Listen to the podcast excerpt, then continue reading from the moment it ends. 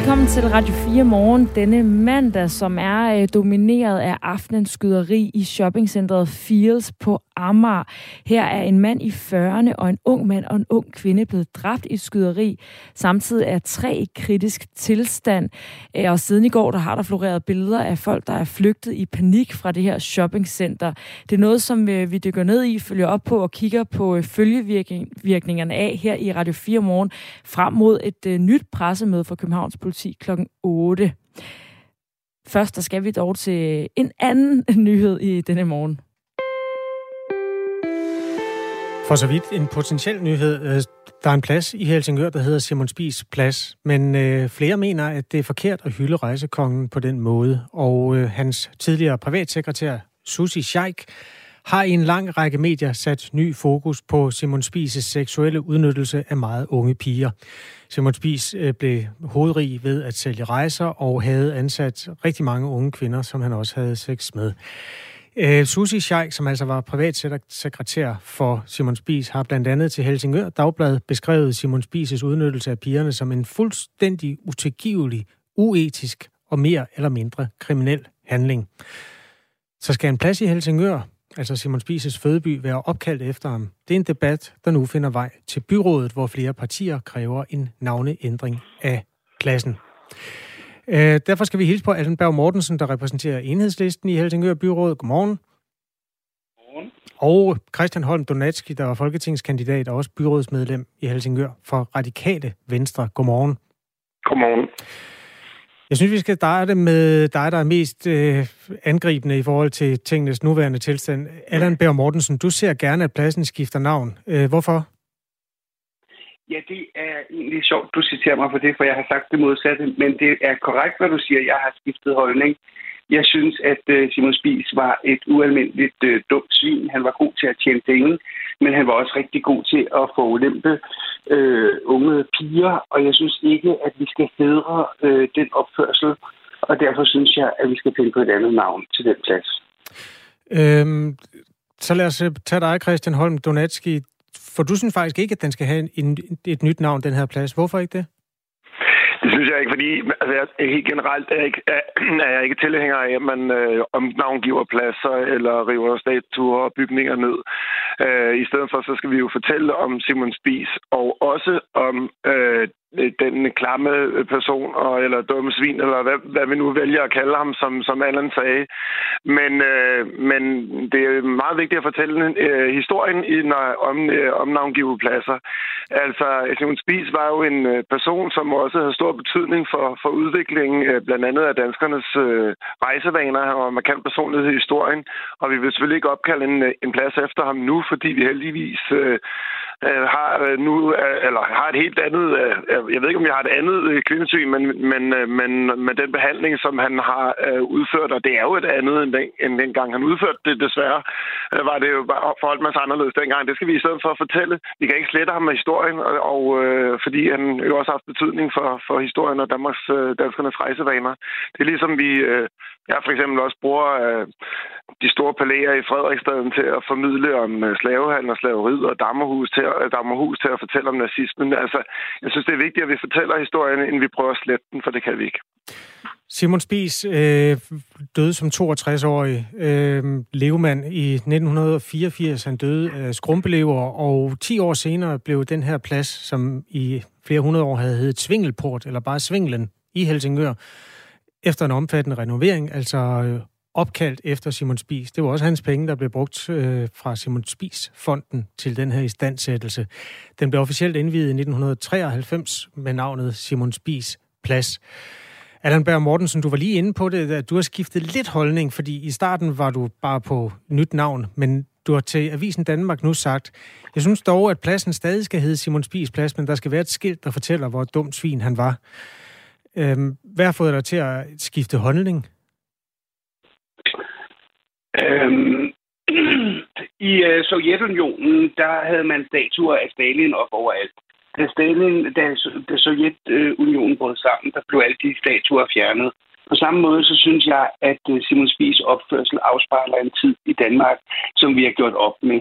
Ligesom man har gjort op med Stalin i Sovjet, så har vi også gjort op med den øh, sexistiske opfattelse af kvinder og unge kvinder er en seksuel forbrugsvare for ældre mænd. Og derfor så synes jeg, at vi skal gøre ligesom man har gjort i Sovjet med at fjerne de statuer, og så skal man simpelthen finde på et andet navn. Altså, man skal finde på et andet navn? Ja, det synes jeg. Okay, jamen jeg er lidt øh, i tvivl om, om du mener, man skal skifte navn eller ikke, fordi du, du siger, du har skiftet jamen, holdning. Du, du er helt ærligt, så roder du også rundt i det, selvom jeg har fortalt det meget klart og tydeligt. Det må du undskylde. Gider du forklare jeg, det en gang til så? Først synes jeg ikke, at man skulle skifte navn, men at man skulle opsætte en mindetavle, der fortalte, hvilket dumt svin han var. Ja. Jeg har ændret holdning, og jeg synes nu, at vi skal finde på et nyt navn. Okay, godt. Har du et forslag? Altså, jeg har jo gået og tænkt lidt over det. Jeg synes, at vi har her i byen en kunstner, der hedder unavngiven kunstner. Man kunne bede ham lave et kunstværk til pladsen, der hed Bagsiden af medaljen, og som handlede om de her unge pigers øh, udnyttelsen af dem. Og så kunne man måske kalde den ukendt kunstners plads. Man kunne også måske kalde den Janni Spises plads. Øh, det er jo hende, der er formand for fonden, der har øh, øh, bekostet i standsættelsen, og hun har, så vidt jeg ved, aldrig øh, øh, gjort andet end positiv ting. Nej, det er selvfølgelig en mulighed. Man kan også kalde hende Janni Brodersens plads, øh, hvis man sådan rigtig vil øh, slette spis af, af bøgerne. Bare... Det, det var også en mulighed, ja. Øhm, Christian, øh, er du enig? Nej, altså, ja, det er jo... Øh, jeg synes faktisk, øh, at alles forslag er, er, er temmelig dårligt. Øh, jeg kan meget bedre lide det første forslag med at fortælle om, øh, om både de gode og dårlige ting, Simon Spies har præget historien med øh, på, et, øh, på et formidling, eller lave ukendt kunstner til, få ukendt øh, kunstner til at lave et, eller anonym kunstner, øh, for ham til at lave et øh, kunstværk, det synes jeg er altid også. Men det der med at omgravne givet pladser og ovenikøbet gøre det til øh, nogen, der lever stadigvæk, det er jo til gengæld en meget, meget dårlig idé. Altså, jeg synes, øh, man, vi skal meget, tænke os meget grundigere om, når vi navngiver pladser, og lige præcis lade det gå noget tid, efter de, øh, efter de ikke er mere, øh, sådan så vi, man faktisk øh, har en idé om deres øh, eftermæle. Derfor skal man være ret påpasselig med at øh, navngive dem, men jeg synes ikke, at man skal omnavngive dem, og vi har masser, vi kan øh, hædre med en plads, hvis den endelig skulle være. Øh, lad være med at tage nogen, som, øh, som stadig lever. Øh, og så synes jeg som sagt, at det er meget bedre, at vi fortæller historien om Simon Spies ud af de gode øh, måder, han har påvirket danskernes liv på, og de øh, rigtig dårlige måder, som han også levede sit liv på. Og uacceptable måder. Der er kommet post fra flere af vores lyttere, der synes, I begge to har tager munden alt for fuld og øh, opfører urimeligt over for Simon Spis. En af dem skriver, Simon Spis var ikke et dumt svin. Hvad fanden bilder I jer ind? Øh, det er et retorisk spørgsmål, I behøver ikke svare på det. En anden skriver, Stalin og Simon Spis. Skulle det være næsten det samme? Øh, det er der faktisk flere, der er inde på. Altså, det man måske kan, kan sige, det er, at Simon Spies slog ikke nogen ihjel. Han levede bare i en tid, hvor mænd kunne tillade sig mere, end de kan i dag. Øh, har I belæg for at sige, at han var et dumt svin overhovedet? Er det, er det ikke øh, jer, der sådan, øh, skruer lidt op for retorikken nu? Ja, nu var det Allan, der så nævnte... Undskyld, ja. Vil du... Jamen, jeg var også ved at svare. Altså, ifølge Susans øh, Scheiks øh, podcast, så var det jo piger ned til 15 år, som han ansatte som Nicoliner i rejsevirksomheden, men som kom hjem i villagen og, og skulle have sex med ham. Der er også eksempler på, øh, hvor at øh, Simon Spies fager vaskemaskiner til øh, øh, mødrene for at få lov til at, at, at have sex med deres døtre. Så jeg synes ikke, at det er til munden for fuldt. Det var faktisk heller ikke i orden for 50 år siden. Eller 40 år siden. Det var det faktisk ikke. Og det er jeg, jeg er enig, sådan set helt enig i. Hvor skal vi parkere den her plads? Altså, øh, det, har I en pejling på, hvor flertallet peger hen? Kan den blive ved med at hedde Simon Spies plads, eller får den, kommer der et nyt skilt op inden længe? Øh, har du et bud på det, øh, Christian Holm Donatski, når du tæller på fingrene? Jeg synes, øh, det var næsten lige så uklart, som det øh, Allan også har været ude i, når man har læst de forløbige udmeldinger fra partierne, så det tør jeg i hvert fald øh, ikke spå om. Jeg tror ikke, det er alle, der har gjort deres stilling op. Men ja, nej, så det har, det har jeg ikke noget kvalificeret bud på. Tak fordi I var med begge to. Allan Berg Mortensen repræsenterer altså enhedslisten i Helsingør Byråd, og Christian Holm Donatski, som vi hørte her til sidst, repræsenterer radikale. Klokken er kvart over syv. Du hører Radio 4 morgen. I sidste uge der var der over 20.000 samlet til øh, idrætslivets landstævne, og over 100.000 var på Roskilde Festival, og mange 100.000 mennesker de så øh, Tour de France, men den her uge, der jo på mange måder har stået i folkefestens tegn, den sluttede altså bræt i aftes med en tragisk hændelse i Fields. Et skyderi, hvor tre er dræbte. Det er en 40-årig mand, en ung mand og en ung kvinde. Politiet de kom kort tid efter og anholdte øh, gernings, hvad de mener er gerningsmanden. De modtog 1736 anmeldelser om skyderi i det her shoppingcenter, og så blev han altså anholdt øh, 12 minutter efter. Det er ifølge politiet en øh, etnisk dansk mand på 22 år, og hvad der har været hans øh, begrundelse for det her skyderi, det ved vi ikke endnu. Vi bliver måske klogere klokken 8, når Københavns politi holder pressemøde igen. Og tre har altså mistet livet, tre er i kritisk tilstand. Hvor mange sårede der er, det ved vi heller ikke endnu. Det kan vi også blive klogere på, når, øh, eller få bekræftet, når øh, politiet holder pressemøde. Og så er der altså øh, nogle videoer, der florerer af en mistænkt mand, som vi også har talt om den her morgen, hvor øh, hvad der måske er gerningsmanden poserer med et jagtgevær foran hovedet og øh, retter et håndvåben mod sin egen mund. Chefpolitiinspektør Søren Thomasen fra Københavns Politi fortæller, at der, øh, politiet er opmærksom på mange rygter, der florerer på sociale medier, blandt andet om et racistisk motiv. Det kan politiet ikke bekræfte. Øhm, om der skulle være et racistisk motiv eller en anden form for motiv til det her, det er ikke underbygget her nu, siger Søren Thomasen. Øh, men tilføjer, at det kan jo komme. Det er, hvad han siger øh, til pressen. Øh, og gerningsmanden var altså i besiddelse af et gevær og ammunition til geværet. Vi skal nok samle op øh, på situationen, når der kommer øh, nyheder, som på nogen måde belyser, hvad der er foregået og hvad der ligger bag det grusomme skyderi i Fields i går. Og folk var øh, altså i Fields jo, øh, ja, måske for at spise, for at shoppe, øh, for at gå i fitness, men øh, også for at øh, bruge noget tid, inden at de skulle til koncert med den engelske pop-idol øh, Harry Styles. Han skulle nemlig spille i Royal Arena, som er et koncertsted, der ligger lige ved siden af Fields på Amager. Og en af dem, der skulle have været til den koncert, er dig, Britt Basse. Godmorgen. Godmorgen. Du ankommer til Royal Arena omkring 17.45. Hvad sker der, da du ankommer til øh, det her område ved Royal Arena og Fields? Jamen, øh, jeg opdager faktisk først ikke rigtigt, at der foregår noget. Men så helt tilfældigt, så ser jeg øh, min veninde, øh, som står med sin teenage-datter, og der kan jeg godt se i hendes øjne, at der er et eller andet helt galt. Øh, så jeg løber over til hende, og så fortæller hun mig, at de var øh, ja, oppe på etagen øh, og så ham øh, løbe øh, derfra, og havde selvfølgelig også hørt skud af det. Øhm, og de er helt i chok, øh, og jamen, de får noget hjælp øh, fra en af de der virkelig, virkelig venlige security-folk, som jo heller ikke på det tidspunkt ved andet end, at alle snakker, der har været skyderi i Fields. Og der kommer rigtig mange fans over, og sådan rundt i køerne, der er jo forskellige indgange, så begynder folk at snakke, og nogen siger, jamen vi var der, vi nåede at komme ud, inden at, at sådan og sådan. Så du ved, hele køsnakken blev om det, øh, og vi var mega berørt af det, og blev det aflyst, blev det ikke aflyst.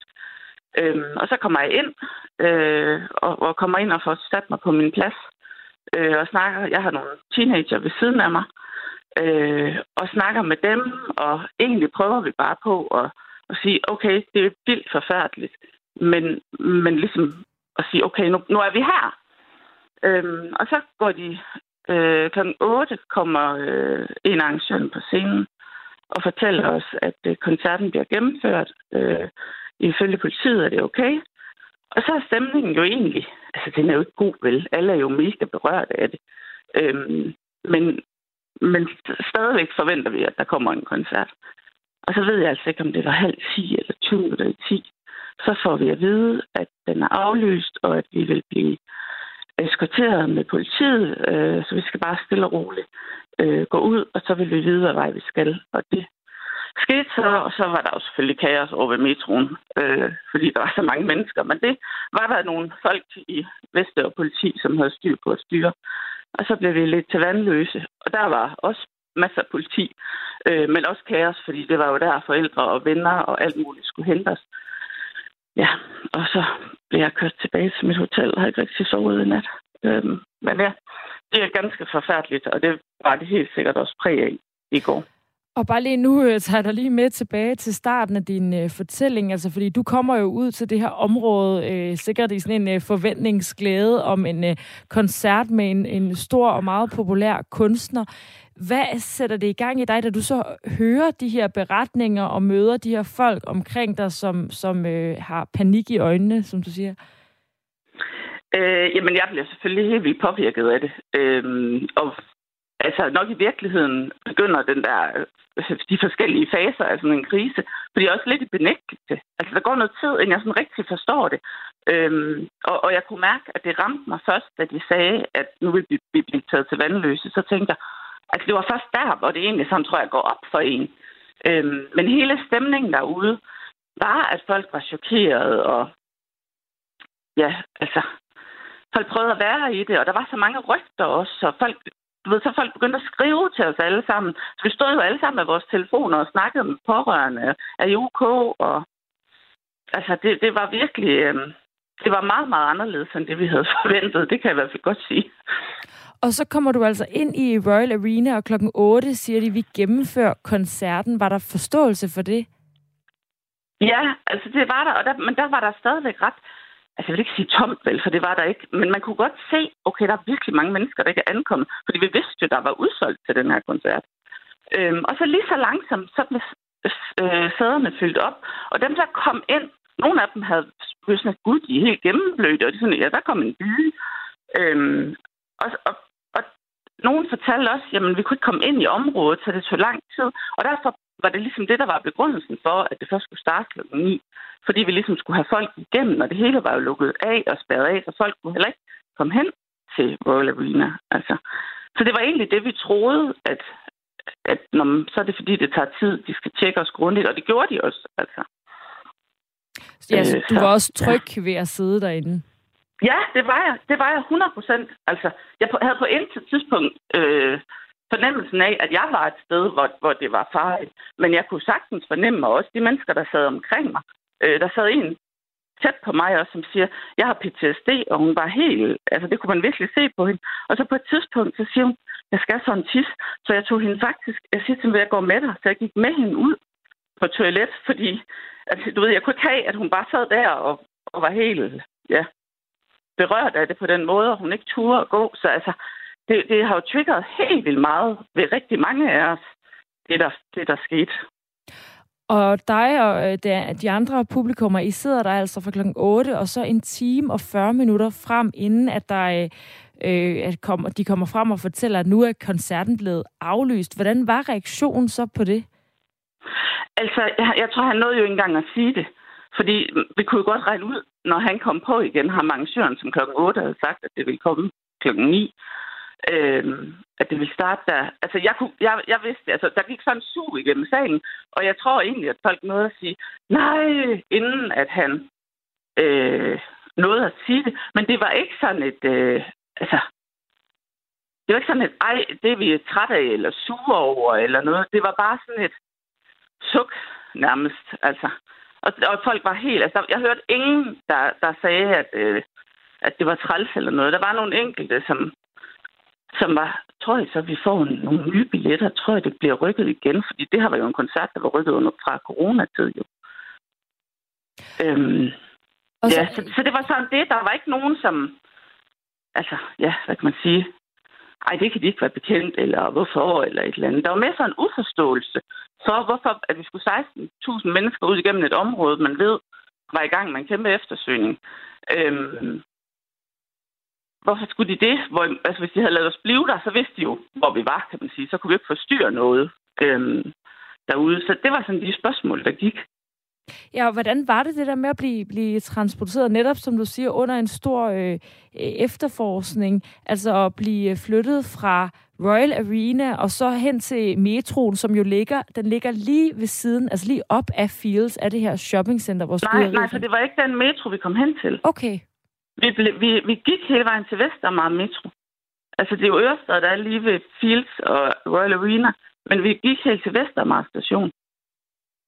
Og hvordan følte du dig tryg? Altså, hvad var din oplevelse af, du sagde, at politiet var både der og i Vandløse. Hvordan var din oplevelse af den her øh, tur hjem? Altså, jeg har aldrig været så tæt på så stort maskingevær, det vil jeg sige. Øh, men, men det var, altså, jo, jeg følte mig tryg. Jeg følte ikke på noget tidspunkt, at, at jeg skulle være utryg.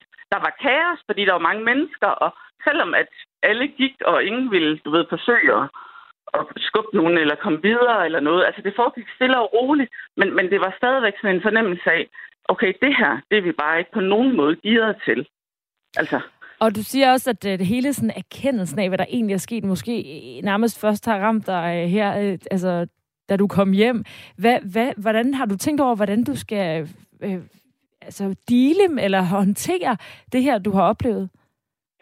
Altså, jeg er slet ikke hjemme. Jeg er på hotellet inde i centrum af København, øh, så jeg har lang vej hjem. Jeg skal til Jylland. men, men altså, jeg har fået masser af beskeder, øh, og der skulle være alverdens hjælpelinjer og hente, og jeg tænker, at jeg kunne godt være sådan en, der kunne ringe og så var en eller anden professionel, der kunne give mig noget godt råd. Lige nu ryster jeg for eksempel.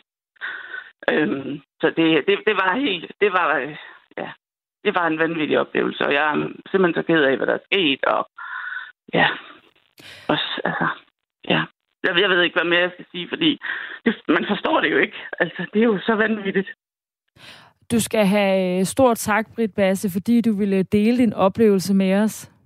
Velbekomme. Britt Basse, som altså var en af dem, der skulle have været til koncert med det engelske pop-ikon Harry Styles, som øh, skulle spille i Royal Arena lige ved siden af Fields, hvor skyderiet fandt sted i aftes, og som altså endte med at blive afløst. Københavns borgmester Sofie Hestorp Andersen, eller overborgmester er hun jo, oplyser på Twitter, at kommunen har indkaldt sit kriseberedskab efter skyderiet i Fields i går aftes. Vi er klar til at hjælpe, hvis Københavns politi efterspørger det, øh, skriver hun. Rune Potokær er øh, krisepsykolog og har arbejdet med at bearbejde oplevelser hos øjenvidner til tragiske hændelser, som den, der fandt sted i Fils i går. Øh, hvis man har været øjenvidne til sådan noget her, så vil man blive øh, tilbudt øh, øh, krisehjælp. Øh, der er sat øh, centre op, og man er også øh, berettiget til øh, krisehjælp hos psykolog. Øh, og øh, noget af det, man gør sådan i første omgang, det er egentlig at øh, øh, have en at tale med, øh, få normaliseret det, der er sket, altså de reaktioner, man har, også få talt det igennem. Øh, og det er noget af det, man kan gøre, hvis man er, er pårørende til en person, der har været øjenvidende, eller har været tæt på, eller er meget påvirket. Øh, det er egentlig bare at stille sig til rådighed, og, og lytte, og spørge ind, øh, være opmærksom på den anden signaler, men så især lytte ind til der, hvor den anden øh, øh, har formået på en eller anden måde at handle øh, og passe på sig selv, for eksempel ved at løbe væk, ved at gemme sig, øh, og så understrege det, fordi det, man kan stå tilbage med, det er sådan en følelse af magtesløshed. Og, og her hjælper det, og, øh, at, der, at man, man taler det igennem igen og igen, og den, den anden ligesom sådan fremhæver der, hvor man faktisk har, har formået at handle. Rådenvidnerne har jo altså været i livsfare og ofte set meget voldsomme ting. Ifølge Rune Potoker er det derfor ganske normalt med en voldsom reaktion, der kommer over længere tid. Det er helt normalt at øh, øh, få sådan flashback-oplevelser, far sammen øh, ved høje lyde, øh, altså have det her med enten når man er vågen eller drømme, at, at, at, at billeder eller sanseoplevelser fra, fra oplevelsen ligesom øh, er påtrængende og, øh, og, og gør det ubehageligt og, og falde i søvn, eller øh, gør, at man ligesom måske får lyst til at søge ind i et eller andet, der kan distrahere en.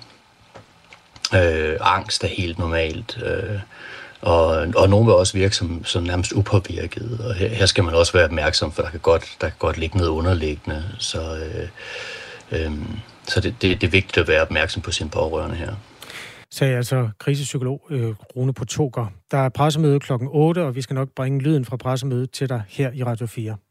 Vi skal også omkring øh, andre af dagens overskrifter i dag. Der er nemlig deadline i forhandlingerne mellem SAS og deres piloter, og vi tager temperaturen på forhandlingsklimaet og ser frem mod en eventuel løsning sammen med Jakob Pedersen, som er aktieanalysechef og luftfartsanalytiker hos Sydbank. Og det er altså på den anden side af et nyhedsoverblik, som kommer her med Signe Ribergaard Rasmussen. Klokken er halv otte.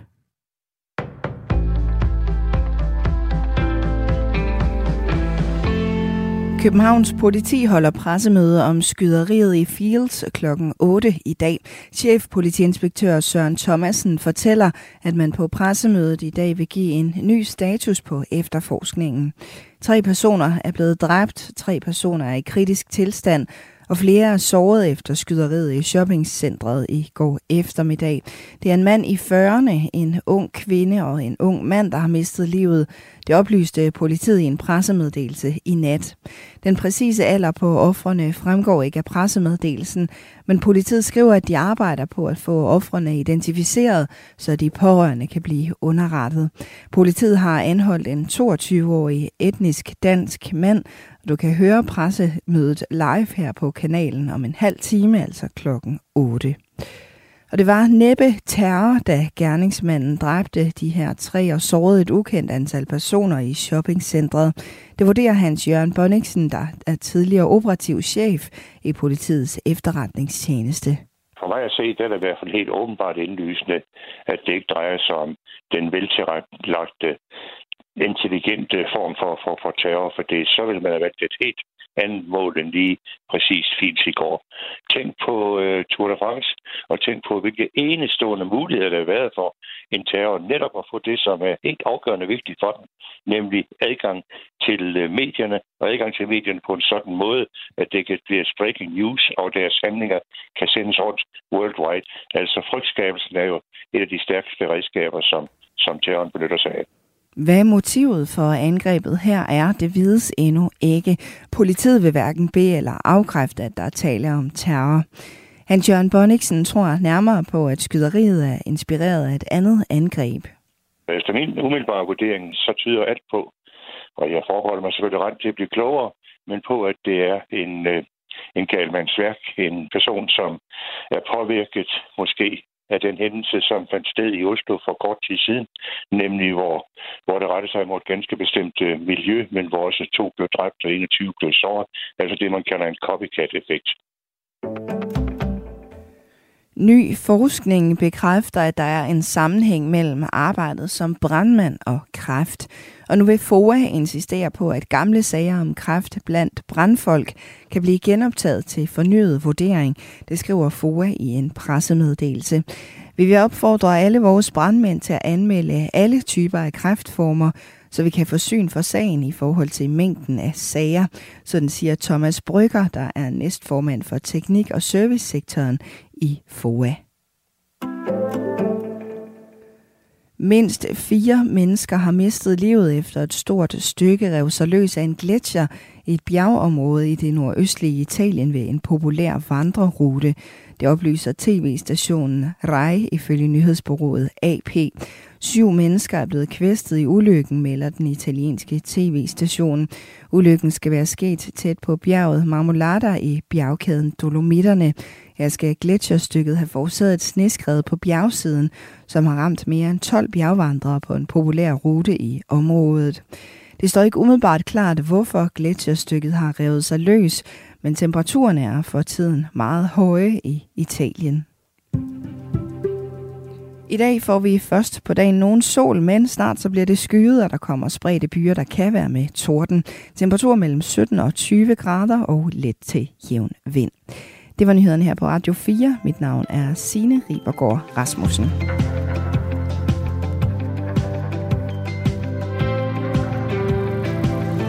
Vi vender tilbage til opklaringsarbejdet efter skyderiet i Fields, og senest kl. 8, der er simpelthen pressemøde hos Københavns politi. Lige nu er klokken 7.34. Du hører Radio 4 morgen med Astrid Data og Kasper Harbo. I dag kl. 12 er der deadline for forhandlingerne mellem SAS og piloterne, efter de blev øh, genoptaget i går. De 1000 piloter, der er ansat i SAS' moderselskab SAS Scandinavia, har varslet strejke, fordi de ikke er tilfredse med deres øh, tilbudte løn og arbejdsbetingelser i SAS. De er utilfredse med, at SAS i stedet for at genansætte gamle SAS-piloter, prioriterer at ansætte nye piloter på billige overenskomster i de to datterselskaber SAS Link og SAS Connect. Og det kommer jo altså oven på en øh, tid tid med corona, som øh, gjorde, at det, det nærmest ikke var på vingerne.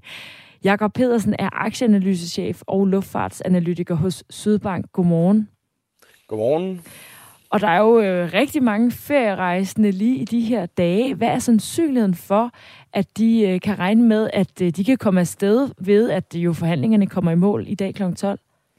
Ja, hvis du havde spurgt mig i går eftermiddag, så ville jeg have sagt, at det egentlig er ret gode. Øh, det så ud som om, at man var fundet ind i nogle gode forhandlinger, realitetsforhandlinger, hvor man også tog nogle skridt mod hinanden. De har hele tiden sagt parterne, at, øh, at der jo stadigvæk var knaster.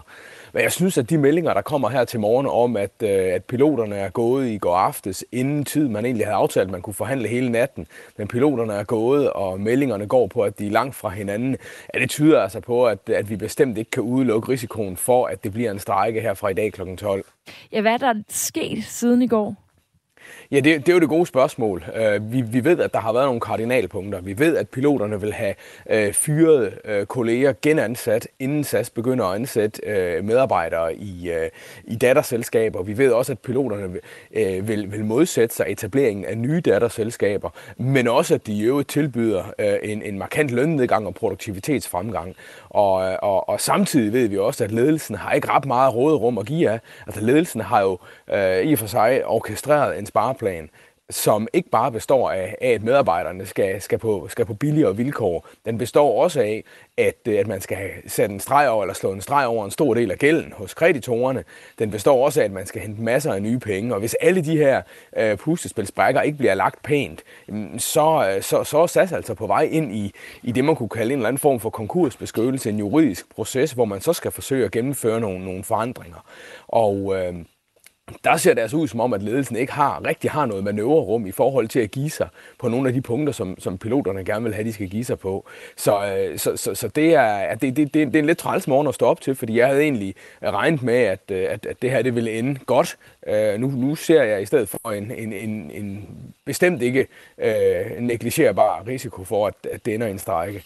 Så der taler om, at de her SAS-piloter har nogle krav, som SAS simpelthen ikke har råd til at øh, følge op på? Ja, i bund og grund, så er det jo det, det handler om. Det handler jo om, at, øh, at ledelsen blandt andet også er afhængig af den danske stat og penge fra den danske stat, hvis man skal gennemføre den her kæmpe store redningsplan. Og de penge, dem får man ikke, hvis det er sådan, at man ikke får gennemført besparelser. Øh, det var det, vi hørte politikerne sige, da de, da, da de talstærkt stod frem og, og, og, og, og ville redde SAS. Øhm, og, og det gør jo også, at ledelsen har ryggen mod muren i den her forbindelse, og, og man, man, man, man kan ikke bare give piloterne det, som, som man gerne vil have. Der er nogle meget, meget øh, hvad kan man sige, øh, snærende bånd omkring ledelsens hænder i, i forbindelse med de her forhandlinger. Oprindeligt så var deadline for forhandlingerne natten til onsdag i sidste uge, men i håb om at kunne finde en løsning, så blev den skubbet frem til natten til lørdag. Her der lykkedes det så ikke at indgå en aftale, og så blev deadline skubbet igen til øh, lørdag kl. 11. Her blev de så heller ikke enige, og derfor har man altså besluttet at udskyde deadline endnu en gang til i dag kl. 12. Og jeg taler altså med Jakob Pedersen, som er aktieanalysechef og luftfartsanalytiker hos Sydbank. Og ovenpå øh, på de her også meldinger om øh, aflyste fly og øh, jo frygt for mange flere, så er der jo mange ferierejsende, som jo både byder negle og nervøse for deres ferie, men også nogen, der har udtalt blandt andet til os, at de ikke vil rejse med SAS igen. Hvordan, altså, er du bekymret for øh, Sasses SAS' overlevelse oven på det her? Det er man nødt til at være. Og faktisk så har man været nødt til at være bekymret for SAS' overlevelse, også inden det her. Fordi selskabet har alt for høj gæld, og alt for høje omkostninger. Og, når det er sådan, at man ikke kan tjene penge, og man har for høj gæld, jamen, så ender man altså med at gå konkurs. Og, og de, øh, de økonomiske spilleregler øh, og den økonomiske tyngdelov, den kan SAS formentlig heller ikke over, over ophæve i den her omgang. Og, og derfor så, øh, så er selskabet et sted, hvor øh, man, om ikke, man, man, man kigger ikke lige ned i afgrunden her og nu, men det kan man meget hurtigt komme til. Og derfor så handler det om, at, at SAS skal få gennemført den plan, man har lagt, altså SAS Forward-planen, øh, og, og en af brækkerne i den, det er også at få, øh, få billige overenskomster, og det er, er noget af det, som man er i gang med nu. Og lykkes det ikke, ja, så, øh, så er det svært at se, hvordan man skal komme videre øh, med mindre man, man forsøger at tage selskabet ind i en, i en retslig proces, hvor man så kan gennemtvinge nogle forandringer. Hvorfor lader man ikke bare selskabet gå konkurs, hvis det går så dårligt? Jamen, det er jo i bund og grund også lidt det, man gør. Uh, hvis det er sådan, at selskabet bliver taget igennem det, man kalder en Chapter 11, altså en konkursbeskyttelse, så svarer det lidt til, at man forsøger at reparere motoren på en bus, mens den kører.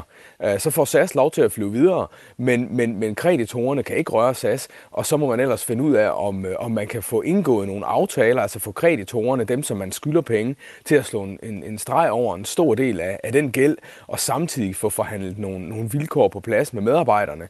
Uh, lige så snart man kommer ind i konkursbeskyttelsesprocessen, så ved både kreditorer og medarbejdere jo, at så er, så job, så er der altså job på spil, og der er rigtig mange penge på spil. For den enkelte dansker er der jo kun det i spil, at så må man finde sig et andet øh, sted at flyve med, men sådan i større øh, logistisk sammenhæng er der jo også noget i spil for Københavns Lufthavn, fordi det er jo en af grundene til, at øh, lufthavnen er så stor internationalt, at SAS har masser af ruter. Øh, hvis man kigger på aktiekursen for Københavns Lufthavn, så er den faldet med mellem 15 og 20 procent i løbet af den sidste måned, mens SAS har bokset med økonomien. Hvordan udlægger du det, Jakob Pedersen? Ja, til at starte med, så, øh, så, så, så er det, det er meget nærliggende at sige, at det skyldes det her, og det gør det formentlig også. Men, men når vi kigger på aktien i, i Københavns Lufthavne, så er der ikke ret mange aktier i frihandel.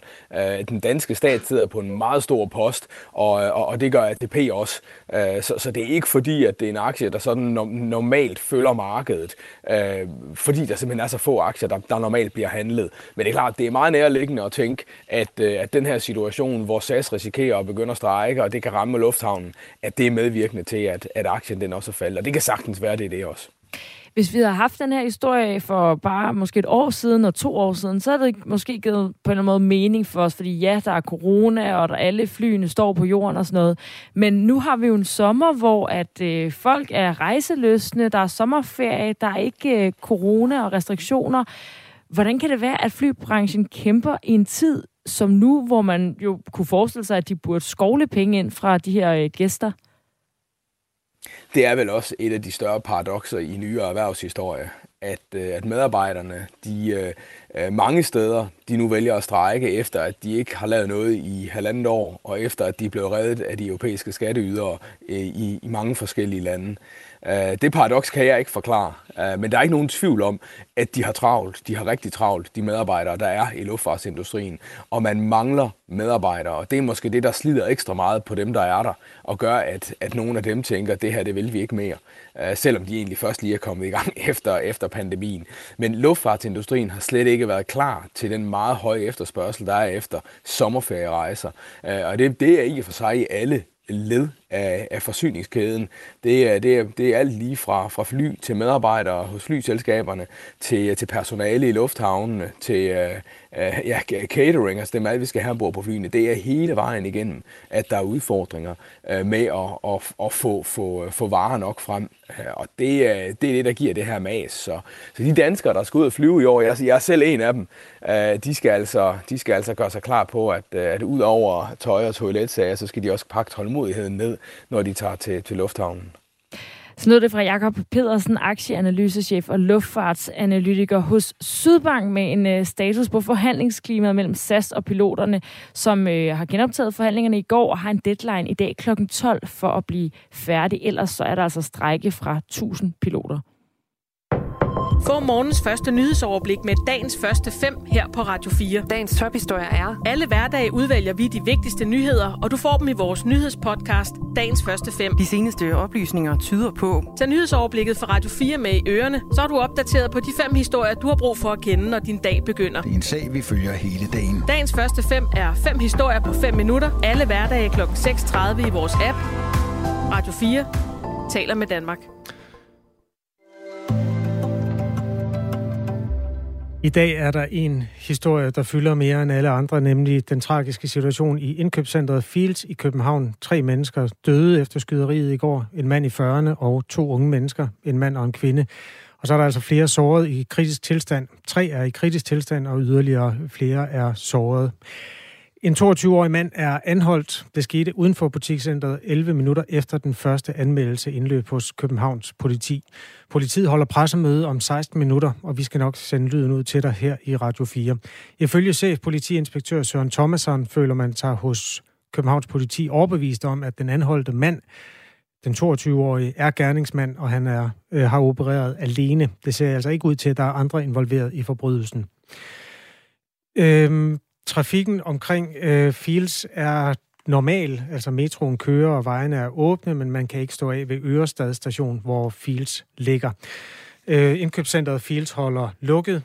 Centerets øh, talsmand skriver på centerets hjemmeside, at der indtil videre er lukket til og med, nej undskyld, ja, ugen ud, altså til mandag den 11. juli, hele denne uge. Til gengæld så er øh, Ørestad stoppet, blevet åbnet igen, skriver øh, Metro. Okay. Øh, den her metrolinje 1, det stopper altså ved Ørestad ved Fields igen, hvor politiet også ifølge DR stadigvæk er massivt til stede. Tak for den opdatering. Jeg læste flere skrive på Twitter i går, at de lige var sluppet ud fra øh, Fields, og nogen var jo øh, løbet fra en bil. Der var en kvinde, der skrev, at hun øh, havde løbet fra sin bil med bilen, eller med nøglen siddende i tændingen. Tændingen. Altså, i, ja, undskyld, ja. ja. Nej, altså i bilens tændingslås. Og øh, altså bare var flygtet over hals og hoved simpelthen, fordi det var man blevet bedt om. Det var til at begynde med vist øh, brandalarmen, der sådan havde gallet, og, og folk har simpelthen ikke nået at få deres biler med ud. Fields øh, skriver øh, i forhold til det, at øh, politiet stadig er i gang med at efterforske, og det er deres instrukser, man afventer. Det betyder altså, at man ikke øh, kan komme til sin bil endnu, men øh, det er altså det, det er situationen lige nu. Så der er også nogle mennesker, der står med nogle praktiske problemer, affødt af tragedien i går. Og hvis man har brug for at tale med nogen om skyderiet i Fields, så har Røde Kors opfordret til, at man kontakter offerrådgivning i København, hvor der er rådgiver, som sidder klar ved telefonet døgnet rundt. Indtil videre så er de modtaget omkring 100 opkald, og det er usædvanligt travlt, siger Røde Kors. Og de, der kan man altså finde et, øh, et nummer, som, hvis man skal have nogen at snakke med der. Klokken er 7.46. Du hører Radio 4 morgen. Der er altså tre dræbte og tre i kritisk tilstand efter skyderiet i Fields i aftes. En mand i 40'erne er død. En ung mand og en ung kvinde er ligeledes død, har politiet oplyst. Øhm, en etnisk dansk mand på 22 år er anholdt for, for skyderiet. Han blev anholdt øh, 11 minutter efter, at politiet fik den første anmeldelse. Et af de mennesker, der befandt sig i butikscentret under skyderierne, var Moshkan Golshin, som vi talte med i går. Hvor befandt du dig henne, da du ligesom opdagede, at der var noget i gang, et skyderi i gang? Jamen, øh, det der sker, det er, at jeg kommer op af parkeringspladsen med elevatoren, øh, op på en, ja, det der hedder vel stueetagen, der hvor der er bilka. Øhm, og så kommer jeg op, øh, går mod Espresso House, kan godt fornemme, at der er et eller andet galt, fordi at, øh, øh, hvad hedder det, folk skriger og råber, og så kunne jeg høre en masse grav. Og så begyndte alle bare at løbe mod udgangen og smide alt, hvad de havde, og håndklædet derude af, der var altså proppet ind i fields i dag, synes jeg. Øhm, og så følte jeg bare, at der er et eller andet galt. Jeg skal bare ud, og min første tanke var, at jeg skulle ned til min bil. Øhm, og så skulle jeg bare køre ud, men så blev jeg bare sådan et eller andet med, hvad så hvis det er en bombe et eller andet sted. Øh, jeg vil hellere bare komme ud. fra bilen. Den lader jeg stå. Så det gjorde jeg. Jeg løb bare ud. øh, og tænkte, nu øh, er jeg sikker, øh, øh, på sikker plads, når jeg kommer ud. Men jeg kunne godt fornemme, at folk blev ved med at skrige og råbe. Så jeg øh, tænkte, nej, lad mig komme væk. Øh, så jeg løber bare videre, og så var jeg sammen med fire andre inde på det her Cap Inn Hotel, der ligger lige ved siden af, nede øh, ved det gamle parkeringsplads. Og så løber vi ind. Og, og øhm, hvad skete der så øh, efter det? Øhm, I, du sagde, I gemte jer under barn inde på Cap Jamen, øh, så øh, kom ham, øh, øh, hvad hedder receptionisten, øh, og, og sagde, at nu er politiet kommet ud ved hotellet. Og alarmen gik jo også på hotellet. Han slog alle og låste alle dørene, ham øh, receptionisten der. Øhm, og, og så sagde han, jamen, øh, hvad hedder det, I, øh, I, I kan komme ud, der er politi ude, men bliv herinde, I må ikke gå ud. Og så kom han med noget vand til os og noget. Hvordan, øh, hvordan har du det, eller hvordan havde du det øh, under, under hele det der, da du flygtede ud fra Fields og, og kom over på kabin? Jeg var, øh, jeg var rystet. Det eneste, jeg tænkte på, det var, hold kæft, hvor jeg glad for, at jeg ikke har mine børn med. Og så kigger jeg på alle børnefamilierne, der bare skreg og løb. Og vi bor ikke så langt fra Fields. Det er vores andet hjem, som vi kalder det, fordi vi er der rigtig, rigtig tit. Så det kunne lige så godt have været også, og det eneste, jeg tænkte på, at de, alle de her børn, jeg så på min vej løbe og skrige og græde, de, øh, de kommer til at have ar på sjælen resten af livet på grund af en, en tur i et center. For uden de mennesker, der har flygtet fra stedet, har mange pårørende også gået rundt og været redselslagende, mens de har ventet på at øh, få kontakt med deres pårørende, som har været i nærheden af skyderiet. Øhm, vi har tidligere på morgen talt med Rune Goldchen, nej undskyld, øhm, Rune Potoker, som er krisepsykolog, og som tidligere har arbejdet med mennesker, som har været tæt på en øh, traumatisk begivenhed, som den, der fandt sted i Fields i går. Det er et øh, længere stykke arbejde, der ligger forude nu, fortæller Rune Potoker. Øh, hvis man har været øjenvidne til sådan noget her, så vil man blive øh, tilbudt øh, øh, krisehjælp. Øh, der er sat øh, centre op, og man er også øh, berettiget til øh, krisehjælp hos psykolog. Øh, og øh, noget af det, man gør sådan i første omgang, det er egentlig at øh, øh, have en at tale med, øh, få normaliseret det, der er sket, altså de reaktioner, man har, også få talt det igennem. Øh, og det er noget af det, man kan gøre, hvis man er, er pårørende til en person, der har været øjenviden, eller har været tæt på, eller er meget påvirket. Øh, det er egentlig bare at stille sig til rådighed, og, og lytte, og spørge ind, øh, være opmærksom på den anden signaler, men så især lytte ind til der, hvor den anden øh, har formået på en eller anden måde at handle øh, og passe på sig selv, for eksempel ved at løbe væk, ved at gemme sig, øh, og så understrege det, fordi det, man kan stå tilbage med, det er sådan en følelse af magtesløshed. Og, og her hjælper det, og, øh, at, der, at man, man taler det igennem igen og igen, og den, den anden ligesom sådan fremhæver der, hvor man faktisk har, har formået at handle. En ting er, at jo de, nogle af de her mennesker har set øh, nogle billeder, som kan være svære at øh, komme af med igen. Men noget andet er, at de jo også har følt sig i livsfare. Øh, hvordan reagerer sindet i sådan en periode efter, at, øh, at der har været altså, skudt lige omkring en? Hvordan reagerer sindet på det? Mm.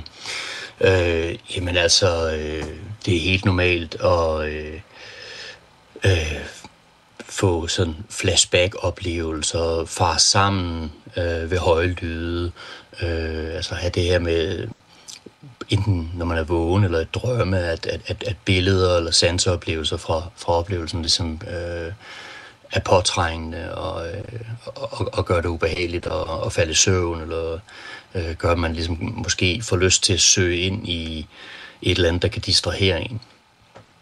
Øh, angst er helt normalt. Øh, og, og nogle vil også virke som, som nærmest upåvirket. Og her, her skal man også være opmærksom, for der kan godt, der kan godt ligge noget underliggende. Så, øh, øh, så det, det, det er vigtigt at være opmærksom på sine pårørende her. Det, som jo altså er følelsen af, at nogen vil slå en ihjel, øh, kan jo godt blive hængende i lang tid efter sådan en oplevelse. Hvordan håndterer man den så? Ja, altså det er jo ikke kun noget, der, der, der påvirker øh, dem, der har været tæt på. Det er sådan set også noget, der påvirker rigtig mange mennesker, fordi det, der er sket her, det er jo, det er jo sket i, øh, et, øh, i Fields, et sted, som rigtig mange i Københavnsområdet har et forhold til, og, og det er også et helt almindeligt sted, et storcenter, og noget de fleste af os har et forhold til, så, så det ryster jo hele vores oplevelse af, af, af normalitet og, og tryghed på et sted, som, som vi plejer at kunne færdes fuldstændig trygt.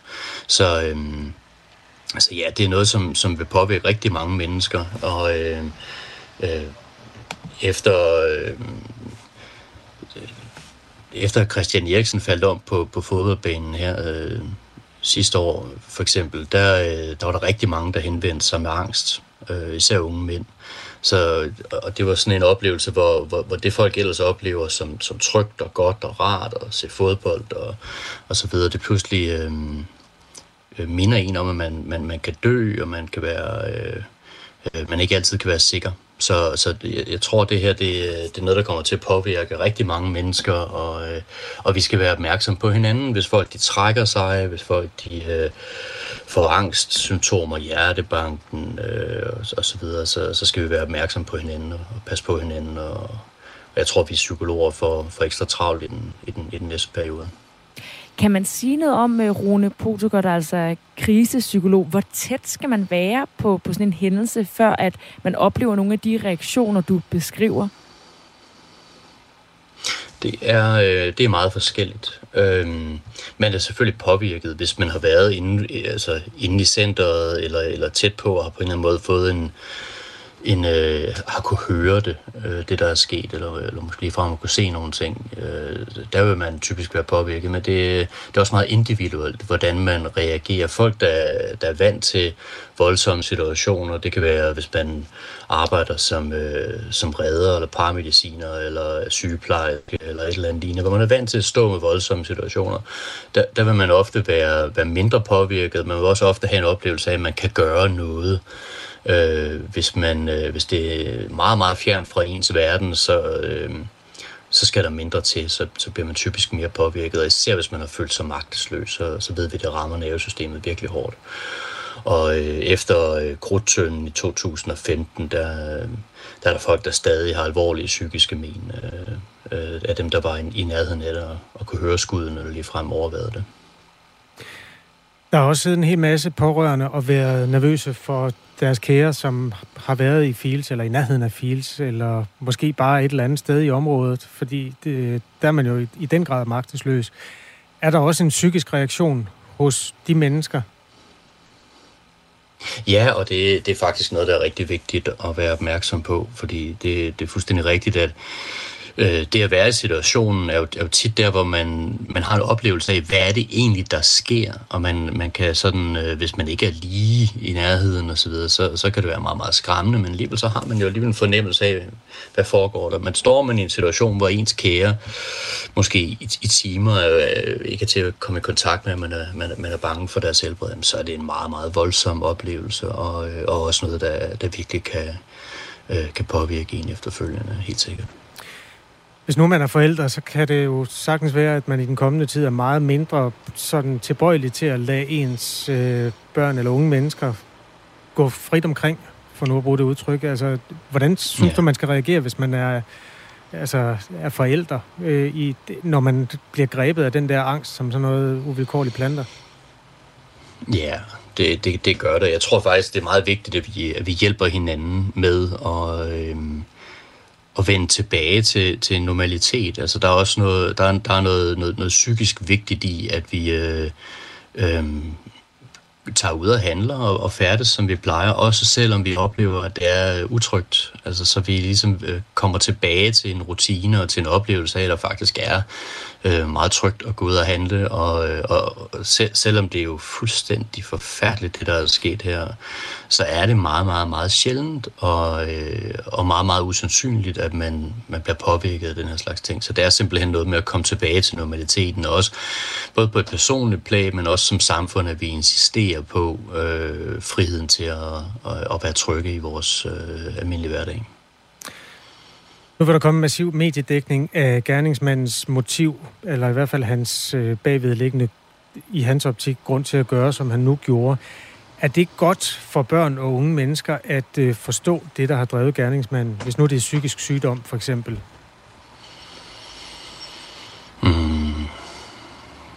Ja, jeg, jeg, jeg tror, det, det kan være... Øh, vi, vi vil jo gerne skabe mening i det, der er sket, og, og nu ved vi jo ikke, hvorfor det er sket, men øh, jo, jeg tror, det, det er okay, og jeg, jeg tror bare, man skal, man skal tale om det. Man skal tale om det med sine børn, øh, stille og roligt, uden at... Øh, altså med, øh, og, og stadigvæk huske, at det her det er ufatteligt sjældent, og, øh, og, og sådan er mennesker ikke i almindelighed, og, og sandsynligheden for at møde noget lignende er forsvindende lille lød det altså fra krisepsykolog Rune Potoker.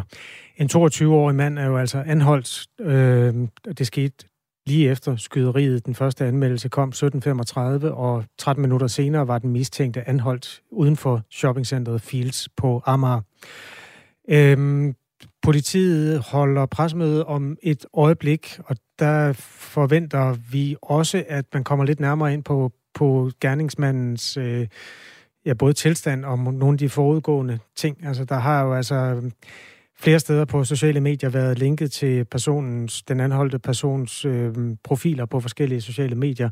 Blandt andet nogle videoer, som han har delt på YouTube med et øh, gevær, der ser ud til at være det samme, som er brugt under skyderiet. Men det er altså ikke bekræftet endnu, og det er noget af det, som man vender blikket mod i forhold til det pressemøde, der finder sted om et øjeblik på Københavns politikår efter pressemødet, så får vi en reaktion fra Jan Jarlbæk, som har flere års politierfaring med blandt andet stillinger i rejseholdet og Europol, og nu er sikkerhedsrådgiver. Og efter øh, pressemødet, som altså er på øh, Københavns Politigård lige her om øh, et ganske øjeblik, ganske lille øjeblik, så øh, taler vi altså om ham, om øh, de nye udmeldinger, som potentielt kommer derfra. Der er jo ting, som ikke er kommet frem, blandt andet motivet, som du nævner, Kasper, og også hvor mange sårede der er. Vi ved, der er tre dræbte, tre i kritisk tilstand, men vi ved ikke, hvor mange der er såret af den her tragedie i aftes. Den susende lyd er øh, simpelthen transmission fra det pressemøde, der finder sted om et øjeblik. Politiet har tidligere oplyst, at den anholdte var perifært kendt af politiet i forvejen, men ikke for noget alvorligt. Han er formelt sigtet for manddrab, og der kan jo også komme flere sigtelser til. Der blev indledt en øh, ret storstilet efterforskning øh, mange steder øh, i tiden efter anholdelsen, fordi politiet på det tidspunkt ikke vidste, om han opererede på egen hånd, eller om der var flere gerningsmænd, øh, eventuelt om han havde fået hjælp af nogen til at skaffe våben og ammunition. Øh, politiet kan endnu ikke endeligt afkræfte, at han har fået hjælp, men øh, alt peger i den retning.